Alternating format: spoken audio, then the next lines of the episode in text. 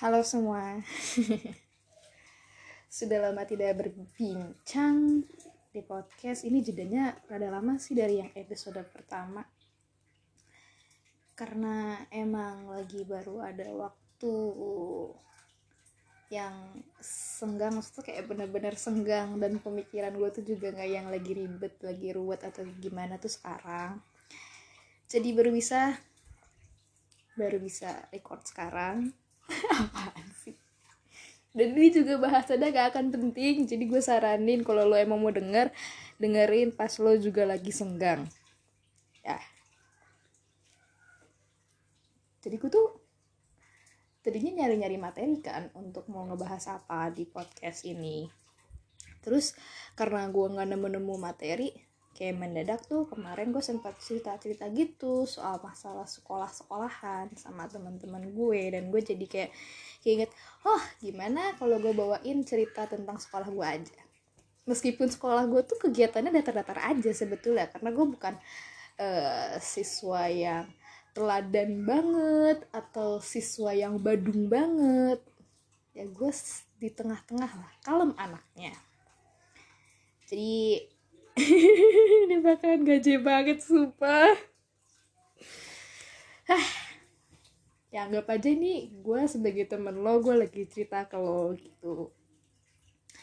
Jadi kita mulai runtun dulu ya dari mulai SD SMP SMA kuliah. Oh enggak enggak enggak. Dari TK dulu kalau gitu. Jadi tuh lingkungan rumah gua itu sebetulnya ada dekat sama TK-TK gitu.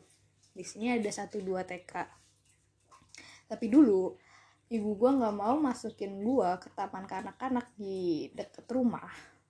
Karena emang eh, pas hitungannya pas gue masih kecil tuh daerah lingkungan rumah gue agak kurang kondusif. Baik secara sosialnya gitu jadi kayak ibu gue pengen nyokolahin gue yang rada jauhan dikit dari rumah.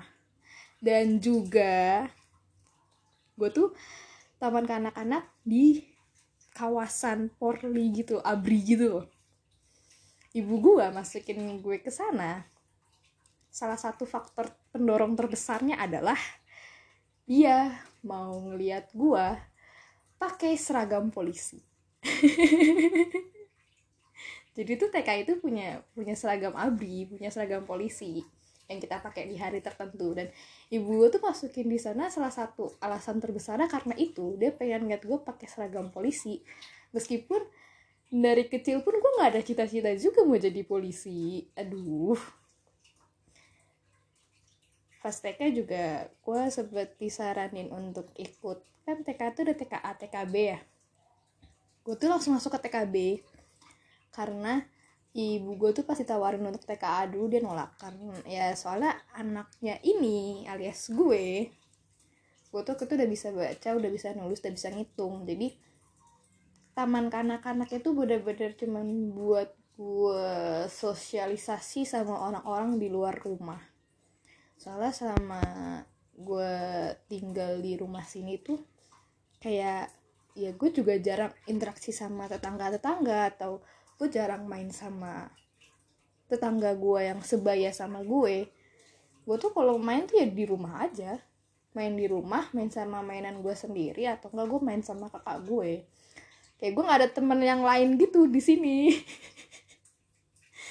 Makanya pertama kali gue ngomong say hi kenalan pakai nama itu yang bener-bener pasti TK udah dari TK kita lanjut ke SD soalnya TK gue nggak ada gimana-gimana gitu-gitu doang dibilang. SD itu gue masuk sekolah swasta nggak negeri. Bukan karena umur gue nggak nyampe atau gimana ya karena kan SD pas zaman gue tuh pakai umur dan juga pakai tes. Tapi waktu itu emang ibu gue lagi-lagi sengaja masukin gue di sekolahan swasta karena beliau berpandangan bahwa kalau misalkan di sekolah swasta itu guru lebih memperhatikan muridnya. Karena ada sistem bayar kan. Jadi itu kayak mereka ya bener-bener nuntun murid didiknya. Gak yang main asal was was was was yang penting ngajar. Wah. Tapi tapi tapi itu itu pemikiran ibu gue ya. Gue menerangkan. Entah gue tiba-tiba di calling sama persatuan guru Indonesia nggak gitu sistem kita. Bahaya kan? Gitu. Jadi gue SD tuh swasta. Swasta pun gue bareng sama kakak gue. Tapi kita tuh sama di sekolahan tuh nggak yang saya nggak yang gimana gimana biarpun ibu gue selalu berpesan untuk kalau setiap istirahat ngajakin gue makan atau gimana gimana kakak gue tuh nggak gitu anaknya.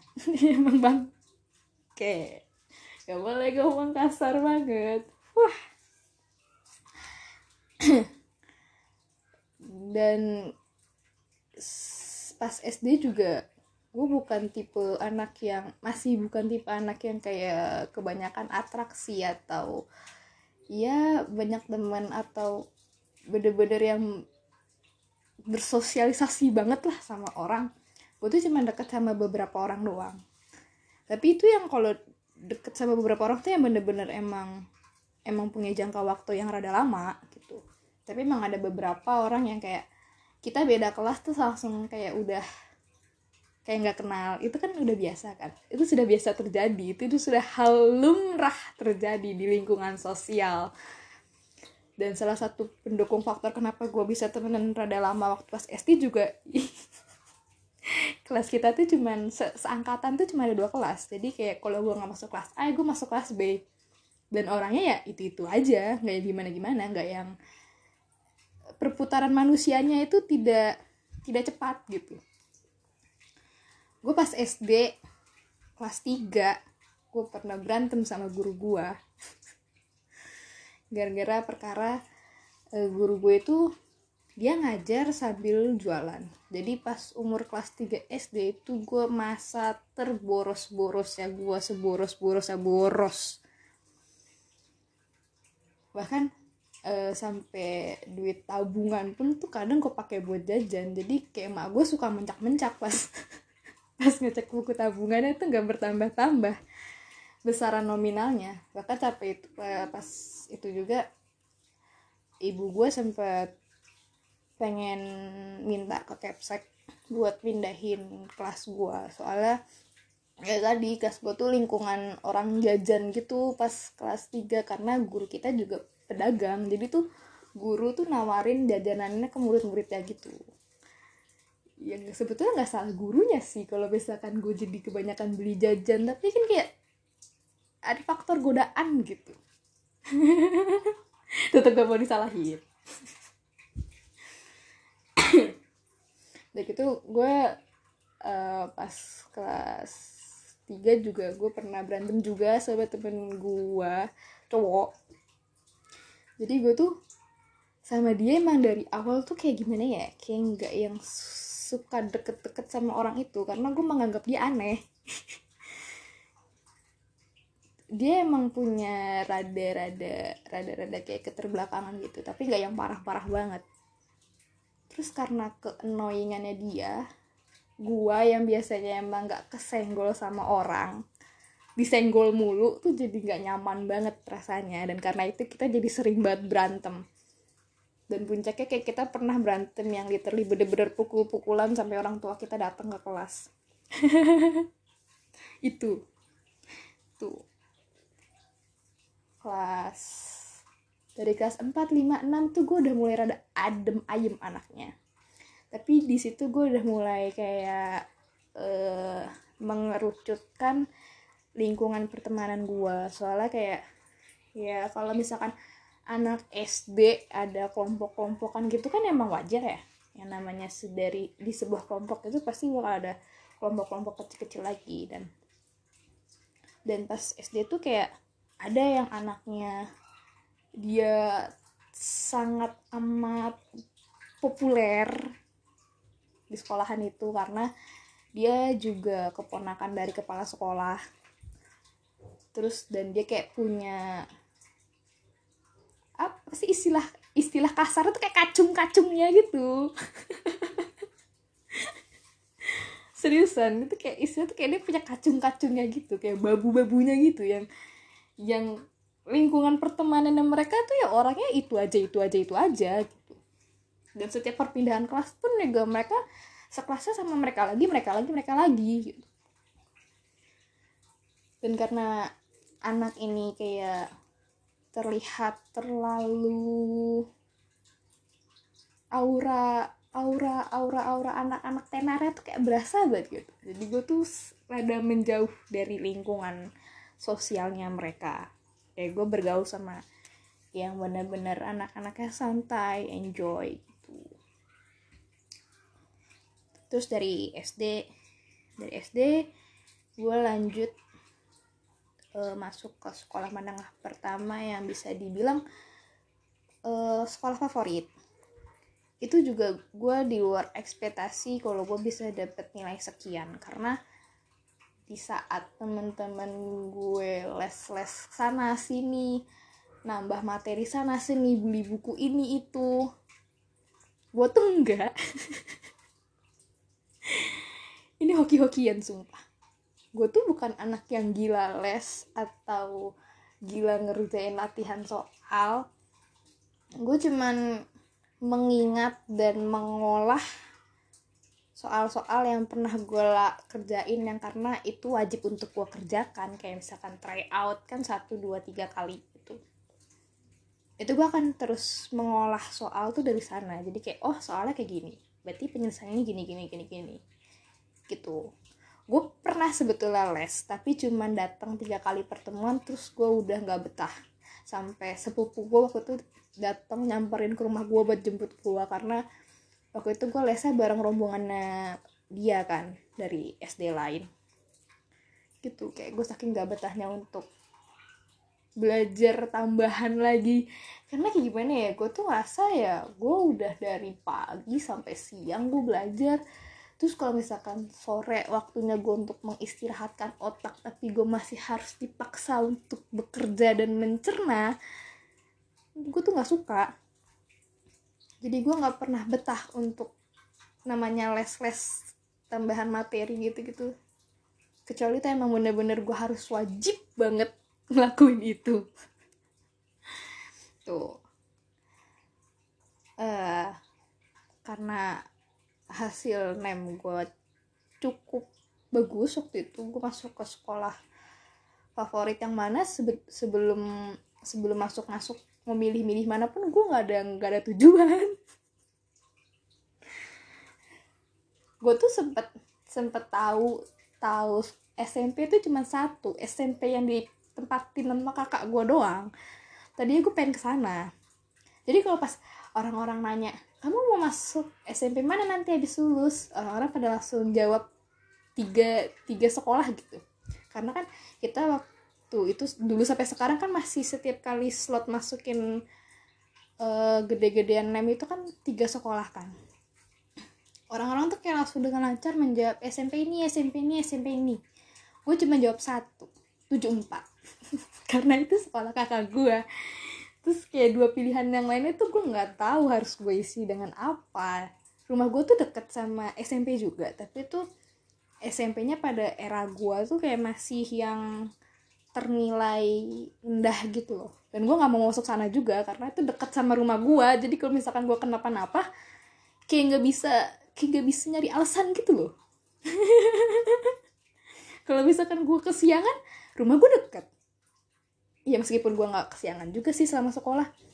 Kalau misalkan gue lupa bawa PR nanti gue disuruh ngambil karena rumah gue deket. Padahal gue belum ngerjain. Kan gue jadi nggak mau kayak gitu. Jadi gue milih rada jauh sedikit dari rumah. Oh iya ada satu hal yang pengen gue ceritain ketinggalan. Ketinggalan ini kan kagak gue naskahin ya. Jadi pas dari SD itu gue pernah sekali jualan jualan roti. Jadi rumah gue tuh waktu itu sempat ada pabrik roti dekat sini tapi sekarang pabriknya udah pindah. Jadi dia jualan kayak roti roti isi.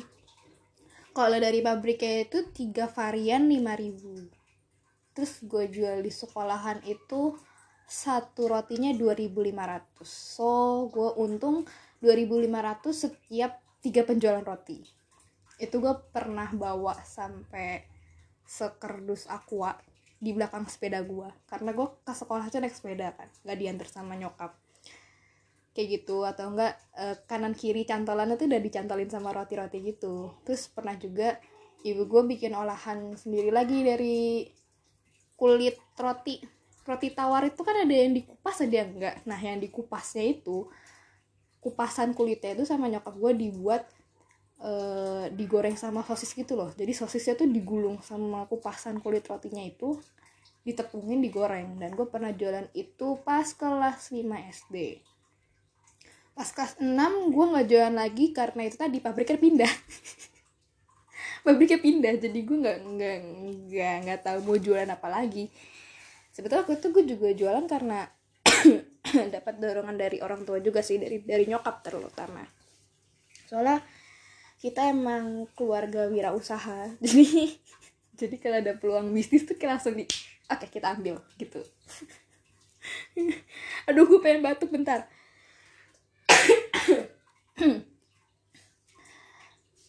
Terus uh, pas di masa-masa SMP masa-masa SMP itu gue gue tuh masuk karena gue masuk. Gue gue bukan masuk tuh sombong atau gimana ya karena gue masuk SMP yang rada favorit.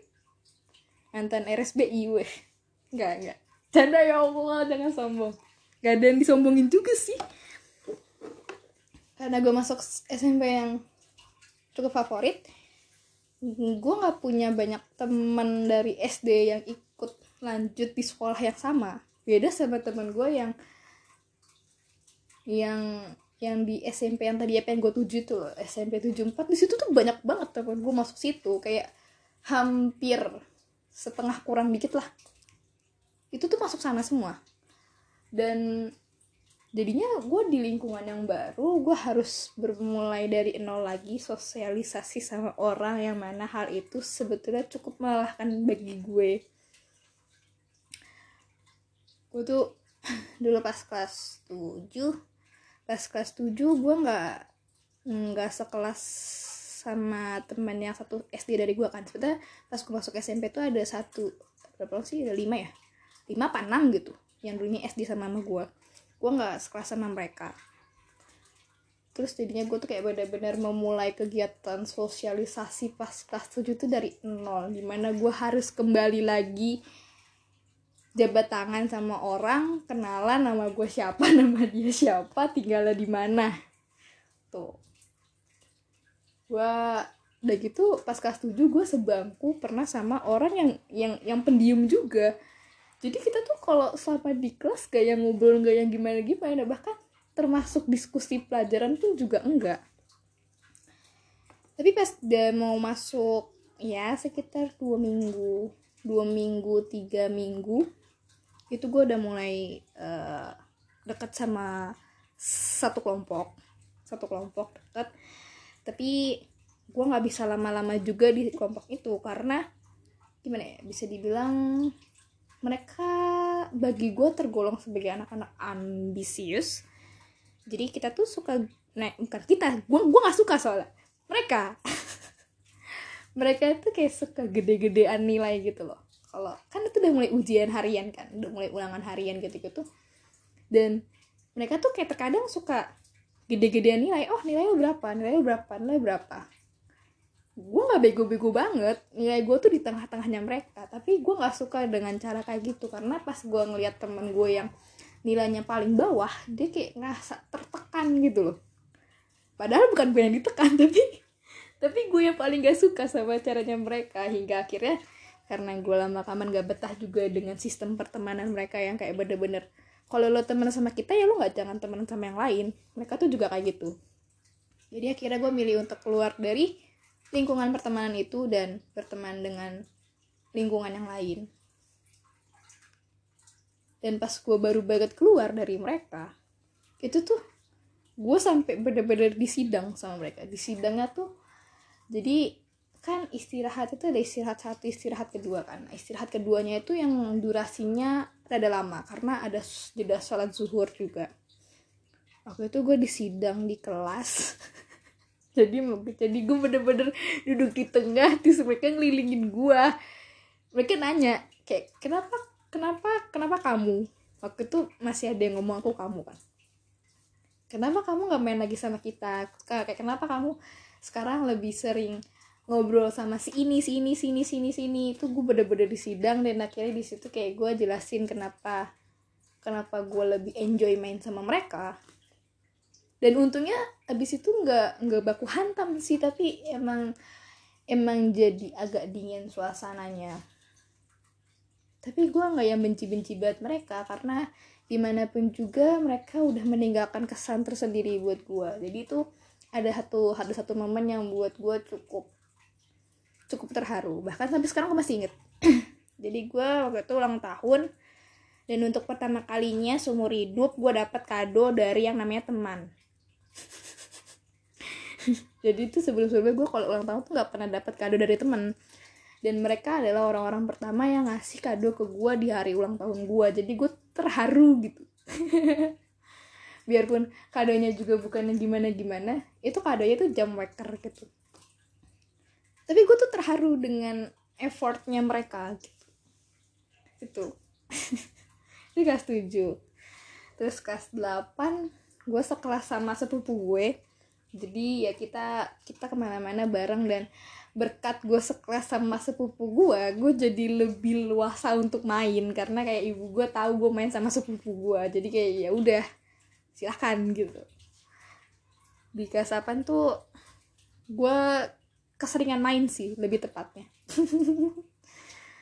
Hampir tiap minggu kita CFD terus kalau di kelas pun kita ya bener-bener ngerame sekelas karena tuh gue ngerasa di kelas 8 itu gue sekelas sama orang-orang yang emang orang-orangnya tuh rame dan suka bercanda gitu. Tapi kalau dalam soal akademik standar-standar aja kelas gue waktu itu. Terus pas gue kelas 8 uh, kan dulu kita itu pelajarannya IPA terpadu ya. Sekarang masih kan? IPA terpadu. Gue emang bukan anak yang aktif banget dalam akademik tapi tapi di pelajaran IPA terpadu itu guru ternyata merhatiin gue. Jadi pernah waktu itu ulangan harian nilai gue dapet 7 dapat poin 7 itu ngepas KKM karena gurunya itu merhatiin gue dan ngerasa kalau nilai 7 itu adalah nilai yang tidak banget untuk gue dia meriksa laporan gue sampai empat kali. Dan itu bener-bener tertera nilainya di kertas ulangan gue tuh. Nilai yang beda tuh dicoret empat kali dan dia revisi nilai sampai akhirnya berujung dapat nilai empat. Jadi tuh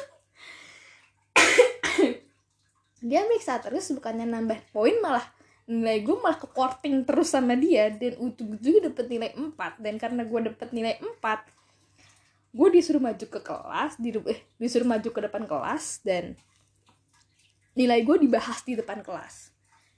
Kayak guru itu tuh ngasih tahu kenapa kenapa gue harus maju dan kenapa nilai gue dibahas di situ. Karena ya itu tadi dia tuh ngerasa percaya sama kemampuan gue di bidang IPA jadi pas tahu dapet gue nilainya anjlok gitu dia kayak yang gak percaya dan dia kayak yang heran sendiri gitu. Padahal gue santai-santai aja anaknya gitu. Dan karena tragedi itu gue jadi agak terpacu sama yang namanya pelajaran IPA terutama biologi. Soalnya dia dulu tuh dia lebih banget nerangin di bagian biologi gitu kan. Gue setahun diajar sama dia tuh yang bener-bener gue semakin ngerasa dia semakin merhatiin gue setelah nilai perkara nilai 4 ulangan harian itu. Jadi dari situ gue asal usul mulai suka sama pelajaran IPA terutama biologi. Udah. Pas kelas 9 gue sekelas lagi sama manusia-manusia bobrok tapi manusia-manusia ini tuh manusia-manusia organisasi jadi anak anak osis isinya. Emang emang ada emang ada kelompok-kelompok sosialnya gitu. Tapi seenggaknya mereka ini tuh nggak yang terlalu superior menganggap dirinya superior gitu. Biasanya kan kayak ada kan anak osis yang gaya-gayaan doang osisnya gitu. Tapi mereka tuh nggak mereka justru malah sempat ngajarin gue juga soal perkara organisasi gitu-gitu. Di kelas 9 itu gue malah ngerasa semakin naik tingkatan kelas gue gue semakin santai kata lingkungan yang gue dapet itu juga semakin santai. Gue tuh kelas 9 kerjaannya bawa bawa sirup atau nggak bawa susu sama bawa mainan kartu uno gitu. Gue bawa susu karena di kelas 9 gue tuh ada ada dispenser di kelas dan ada galon. Jadi tuh jadi tuh kerjaannya kalau kalau di kelas tuh ya suka suka nyeduh minuman aja gitu oh ya sama. Terus gue kelas 9 gue pernah jualan juga jualan makaroni. Makaroni yang digoreng biasa gitu doang. Tapi itu cuman bertahan bertahan sekitar seminggu dua minggu karena abis itu kayak mulai diperhatiin sama BK gitu loh dan gue tuh nggak suka. Dan gue nggak suka karena terlalu mendapat atensi lebih dari guru BK jadi gue stop jualan waktu itu masa-masa SMP gue bisa dibilang cukup menarik sih karena gue paling aktif tuh ya pas SMP gue main ke sana sini terus gue berteman hahaha sama si itu sini. Kayak SMP tuh ngasih kesan yang cukup baik buat gue secara lingkungan sosial yang sepantaran ya. Dari SMP dan di SMP itu gue juga uh, mulai mikirin ke depannya gue kayak gimana. Karena uh, beberapa teman gue tuh anaknya udah ada yang berorientasi ke masa depan gitu loh. Jadi tuh mereka udah bener-bener nge-planning SMP SMA mau di sini kuliah nanti mau di sini ambil jurusan ini ini ini ini jadi kayak gue tuh sempet ada pemikiran untuk nge-planning hidup gue ke depannya kayak gimana juga pas SMP terutama pas kelas 9 pas kelas 9 itu gue juga sempet pernah ngalamin yang namanya rasa ketertinggalan. Karena ada beberapa orang terdekat gue yang kayak gue tuh ngeliat mereka udah mulai maju gitu loh. Dari bidang akademiknya tuh udah mulai nanjak dan gue masih kayak ya biasa-biasa aja gitu. Terlebih pas ada pembagian kelas PM gue tuh masuk di yang dua terbawah teman-teman gue ada yang ada yang nyampe kelas di nomor satu nomor dua nomor tiga. Gue di kelas nomor empat cuk. Tapi di situ gue seneng karena di situ gue ketemu sama beberapa temen gue pas kelas 8 termasuk sepupu gue juga. Padahal tadinya mak gue suka ngebanding bandingin gue sama sepupu gue tahunya kita sekelas. Pas kelas PM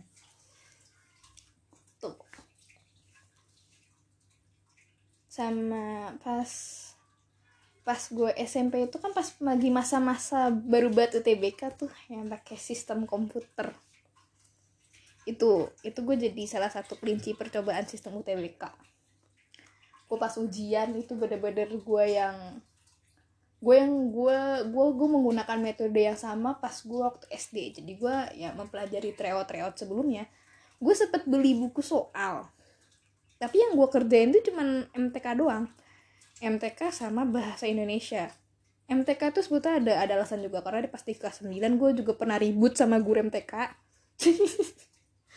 gue pernah ribut sama guru MTK jadi kayak gue pengen uh, memperbaiki citra gue sedikit dengan ya seenggaknya nilai ujian gue nggak jelek-jelek amat lah gitu. Ya di atas di atas 6 apa enggak dia dia nggak lima lah.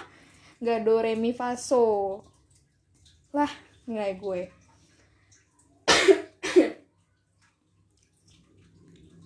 Kayak gitu dari SMP gue masuk ke SMA yang biasa-biasa aja.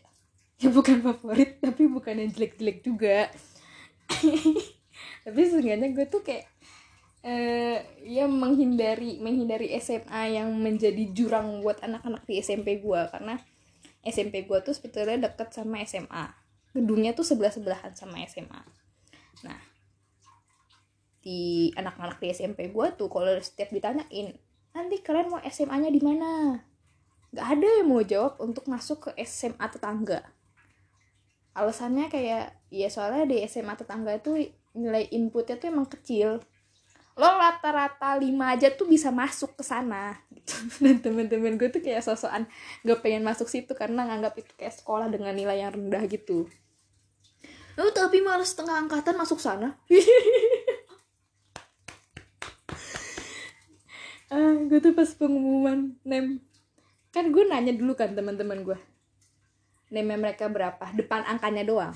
Terus kayak gue udah langsung dek panik karena temen gue pada bilangnya depannya dua dua dua lo kayak 6 SD dong kan. Padahal kita ada empat mata pelajaran waktu itu. Dua dua dua terus ada juga yang bilang depannya satu. Wah gue udah ini name gue berapa tapi waktu itu ternyata name gue depannya masih tiga. Rata-ratanya rata-ratanya delapan delapan koma. Itu dengan modal nilai segitu gue menjauh menjauh dari SMA yang yang tidak kami kehendaki sejak SMP gue nggak mau reunian lagi sama teman-teman SMP gue yang suka merendahkan sekolah lain gue masuk ke SMA yang sebetulnya nggak deket dari sini juga sih. Nggak deket dari rumah gue juga sih tapi masih terjangkau.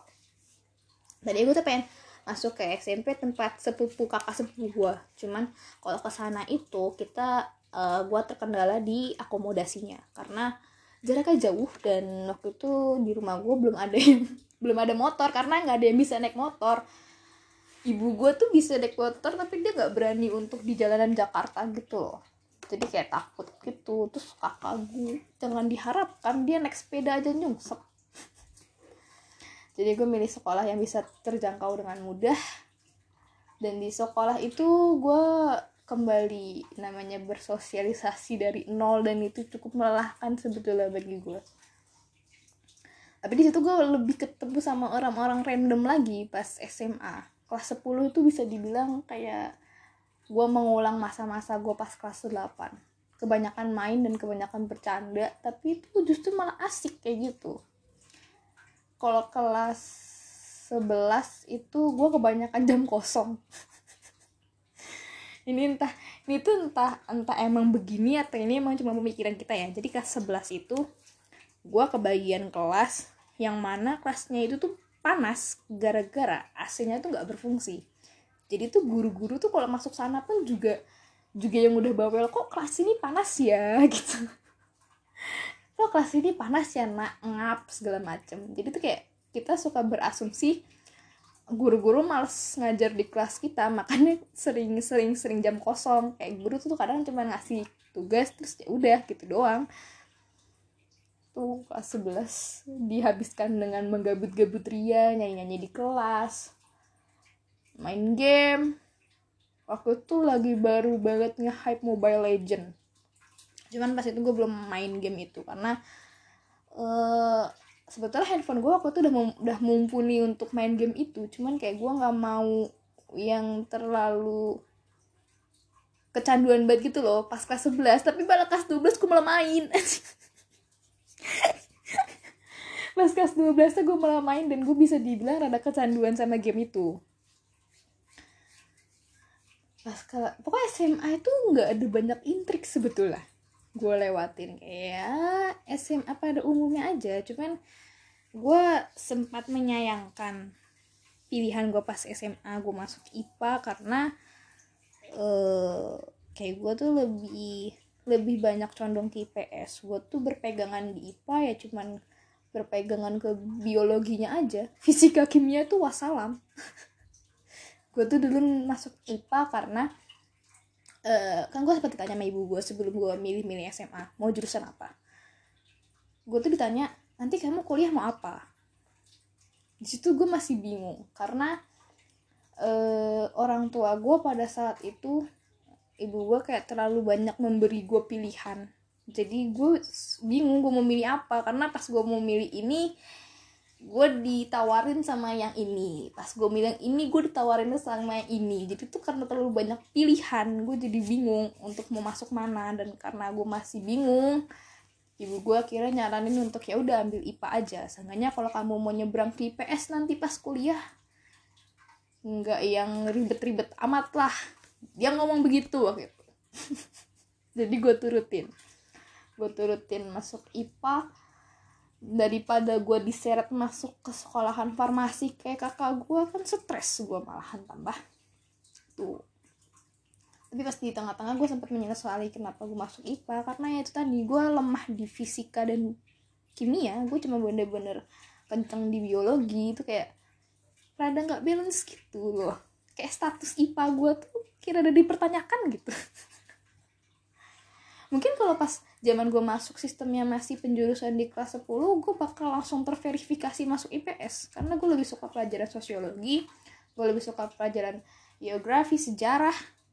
Tuh gue lebih merhatiin pelajaran itu daripada pelajaran-pelajaran yang hitung-hitungan.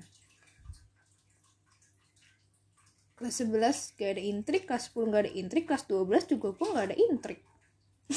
Kehidupan SMA gue tuh flat banget kelas 12 itu rutinitas gue gue emang anaknya datang pagi kan. Gue tuh kelas 12 gue udah mulai gue udah mulai bawa motor karena gue dibeliin motor pas gue ulang tahun di 17 tahun. Jadi biarpun gue udah bawa motor gue tetap berangkat jam 6 kurang jam 6 kurang 10-an itu nyampe sekolah gue sekitar jam 6 lewat 5an lah. Jadi itu sekolah masih sepi banget gitu. Dan biasanya gue tuh kalau masuk kelas pasti gue langsung ketemu sama temen gue cowok sering dipanggilnya boy band. Karena dia emang punya postur tuh kayak boy band banget. Untuk ukuran anak-anak di sekolah kita tuh dia ganteng lah gitu.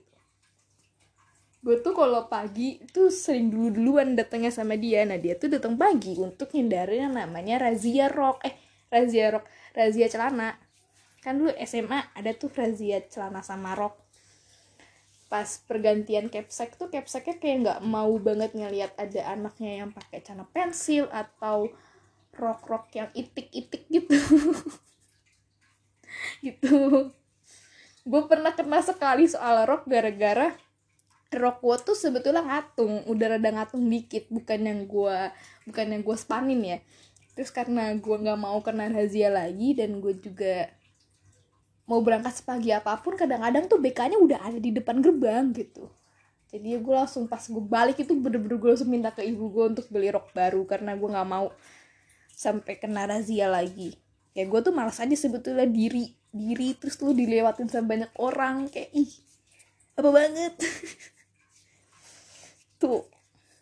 Terus pas kelas 12 juga gue kerjaannya uh, benerin AC benerin AC jadi kan kelas 12 gue itu ruangan kelasnya ada di bukan ada di belakang itu emang sebetulnya aula.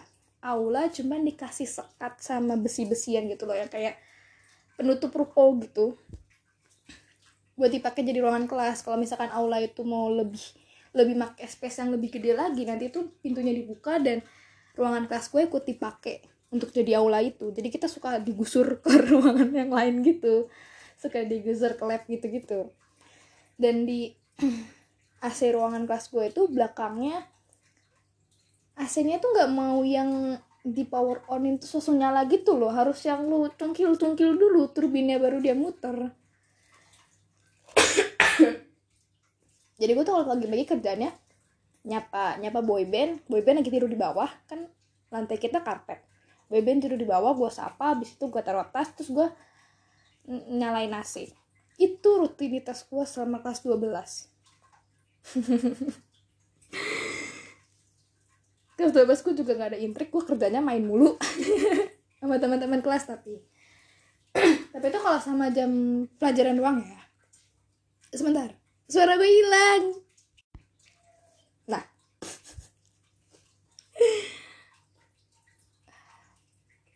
kelas pokoknya pas masa-masa SMP tuh gue nggak ada intrik sama anak-anak lingkungan sekolah karena gue cuman main sama mereka kalau pas jam pelajaran doang. Di luar jam pelajaran itu gue nggak main sama mereka. Di luar pelajaran itu gue lebih main sama anak-anak komunitas. Dulu gue ikutan komunitas di salah satu jadi televisi swasta itu punya komunitas. Dan gue join di sana. Jadi gue tuh lebih sering ngabisin waktu main ngeksplor dunia luar tuh sama teman-teman komunitas gue yang mana mereka udah kuliah, mereka udah kerja, bahkan mereka udah ada yang punya anak dan anaknya sumuran sama gue. Jadi kadang kalau abis pulang tank jam 3 tuh gue langsung lari ke parkiran, gue langsung buru-buru pulang ke rumah, ganti baju, terus gue lanjut ngumpul sama anak-anak komunitas. Dan dari situ gue di komunitas itu belajar untuk gimana ya untuk cara menyikapi hidup lah istilahnya. Kayak misalkan gue ada masalah nih. Entah gue sama masalah sama keluarga gue atau gue menganggap berat uh, akademis gue gue tuh cerita ke mereka dan mereka akan ngasih ngasih beragam perspektif yang yang itu belum bisa gue jangkau karena pemikiran gue ya belum sejauh mereka gitu. Kan mereka udah punya pengalaman juga kan. Dari situ gue belajar untuk melihat segala sesuatu tuh lebih lebih luas dan lebih jauh gitu. Dan dari situ gue juga belajar caranya untuk berhadapan sama orang lebih baik. Karena kan ya itu tadi gue bertemu sama orang yang bener-bener random banget. Ada yang ada yang udah punya anak satu ada yang baru nikah ada yang baru ada yang baru mulai kerja ada yang udah jadi senior di kantoran ada yang anak kuliahan lagi magang ada yang maba. Gitu. Jadi gue kayak bener-bener ketemu sama orang-orang random yang ada di atas gue gue belajar cara untuk menyikapi soal hidup tuh dari mereka uh, tapi ya apa pun yang mereka kasih ya nggak nggak semerta-merta gue telan sendiri sih. Jadi kayak masih gue olah lagi hasil pemikiran mereka atau masukan mereka ke gue. Gak yang mereka ngomong ah gue gue jadi terus-terusan ikutin. Ah enggak apa pun yang mereka ucapkan masih tetap gue olah dan masih tetap gue pertimbangkan lagi. Dan itu menjadi kebiasaan gue sampai sekarang. Nah, dari masa-masa SMA SMA gue nggak dapet kuota SNM ya. Gue gue tuh udah gue tuh udah udah udah, meraba dari awal kalau gue nggak bakal masuk kuota SNM karena gue nggak pernah masuk yang paralel teratas atau masuk 50 teratas. Masuk 100 aja gue belum gue juga nggak pernah. Gue tuh anaknya di tengah-tengah pokoknya. Jadi gue pas SMA gue nggak nggak musingin soal SNM uh, pas SMA pun gue juga sempat ngalamin yang namanya krisis gue mau ke mana? Lagi-lagi gue mikirin gue harus gue mau ke mana? Gue mau ngapain? Karena ya balik lagi ke orang tua gue terutama ibu gue tuh ngasih gue banyak pilihan yang mana gue jadi bingung. Gue aku tuh sempet pengen masuk dokter gigi. Gue udah bener-bener udah mau teguh di sana dan emang udah bener-bener nge-prepare segala macem tapi pas di tengah jalan keinginan gue tuh harus dikat karena lagi-lagi orang tua gue nawarin pilihan-pilihan pilihan-pilihannya yang lain lagi. Termasuk gizi lah.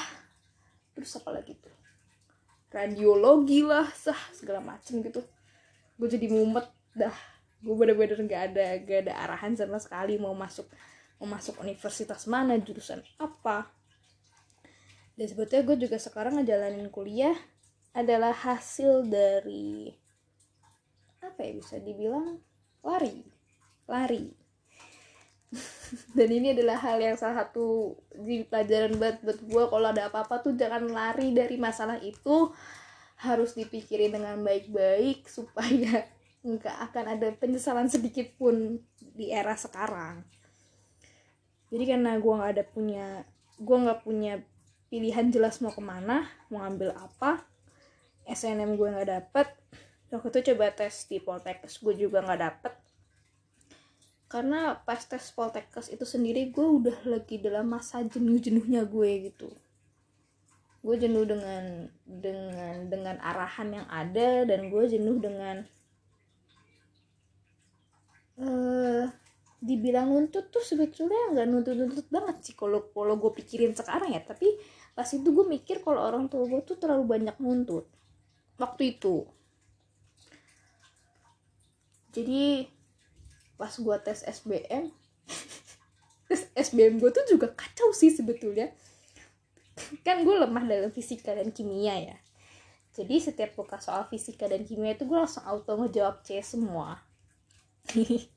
Nggak ada jawaban-jawaban yang lain. Pokoknya soal yang gue baca tuh yang soal kayak psikotes sama bahasa Indonesia. Bahasa Indonesia bahasa Inggris gue masih baca lah. Soalnya gue emang anaknya rada kuat di bahasa juga MTK kalau soal yang sekiranya gue bisa gue jawab dengan cara hitung-hitungan yang benar. Kalau misalkan ngelihat soal terus gue langsung ah ini apa udah langsung C. Jawabannya maksudnya milih C. Gitu. Tapi e, keberuntungan kembali mendatangi gue dari tes SBM hasil nilainya lumayan. Nilainya lumayan untuk masuk jurusan yang sempet gue pengenin di di di kota ini di kota tinggal gue tapi gue nggak mau ngambil kuliah itu karena satu jaraknya jauh banget dari rumah gue gue bisa gila di jalanan kalau gue kuliah di sana. Kalau misalkan gue ngekos di daerah terdekat itu biaya hidupnya mahal dan gue mikirin itu dan gue jadinya enggak terus alasan ketiga pendorong iya itu tadi gue kayak ibaratkan mau lari dari suasana rumah jadi gue milih untuk kuliah di luar kota. Hal yang gue urutin pertama adalah gue pilih dulu kota mana yang mau gue jadiin tempat tinggal sementara untuk gue abis gue milihin kota mana gue seleksi universitasnya apa terus gue seleksi peluang gue masuk mana. Ini emang cara yang berantakan banget sih kalau misalkan lu emang berorientasi kepada masa depan yang gemerlang kalau aja kalau misalkan lu udah pengen punya cita-cita lu pengen kerja di sini sini sini tuh lu jangan ikutin cara gue tuh cara goblok banget emang.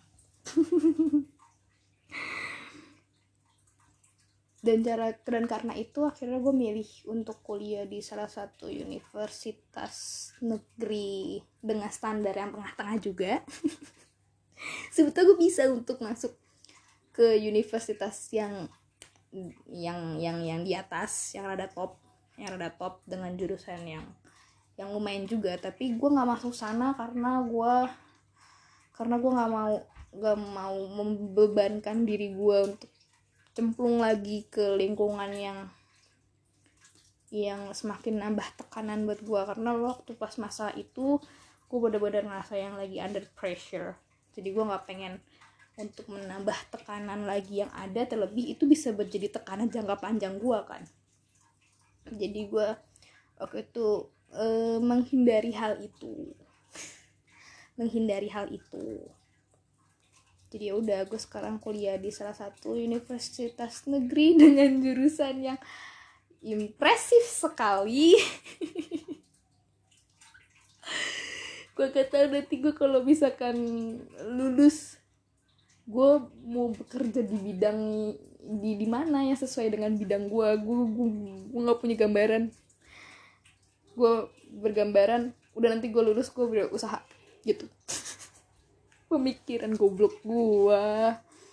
Buat sekarang ya udah sih gua mau gue mau menjalani aja apa yang bisa gue lakukan sekarang mau gue maksimalkan sekarang apa yang bisa gue maksimalkan untuk memperbaiki rantai yang sempat rusak kemarin maksudnya biar ke depannya tuh nggak yang tambah rusak gitu. Sebenarnya ada peningkatan hidup lah. Ada peningkatan taraf hidup lah nanti ke depannya. Jadi ya. Gitu. Berapa menit? Ya 48 menit. Gue ngomong gak jelas.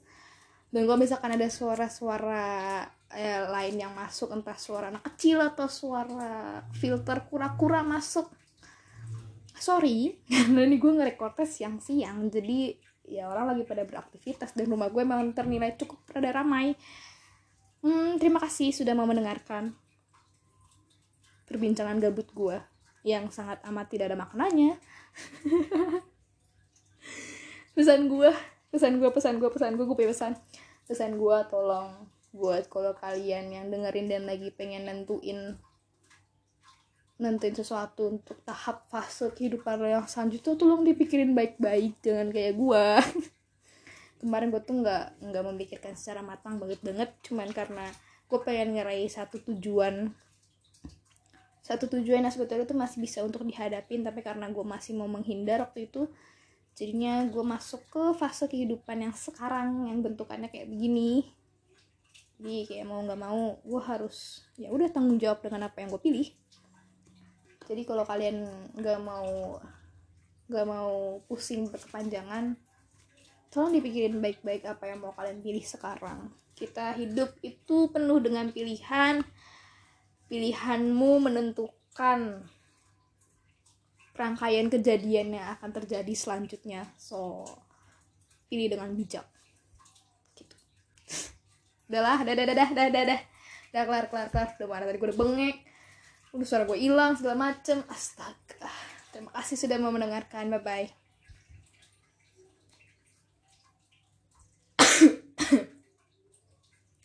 Kenapa suara gue bisa tiba-tiba hilang ya tengah-tengah? Tenggorokannya kering, astaga. Uh.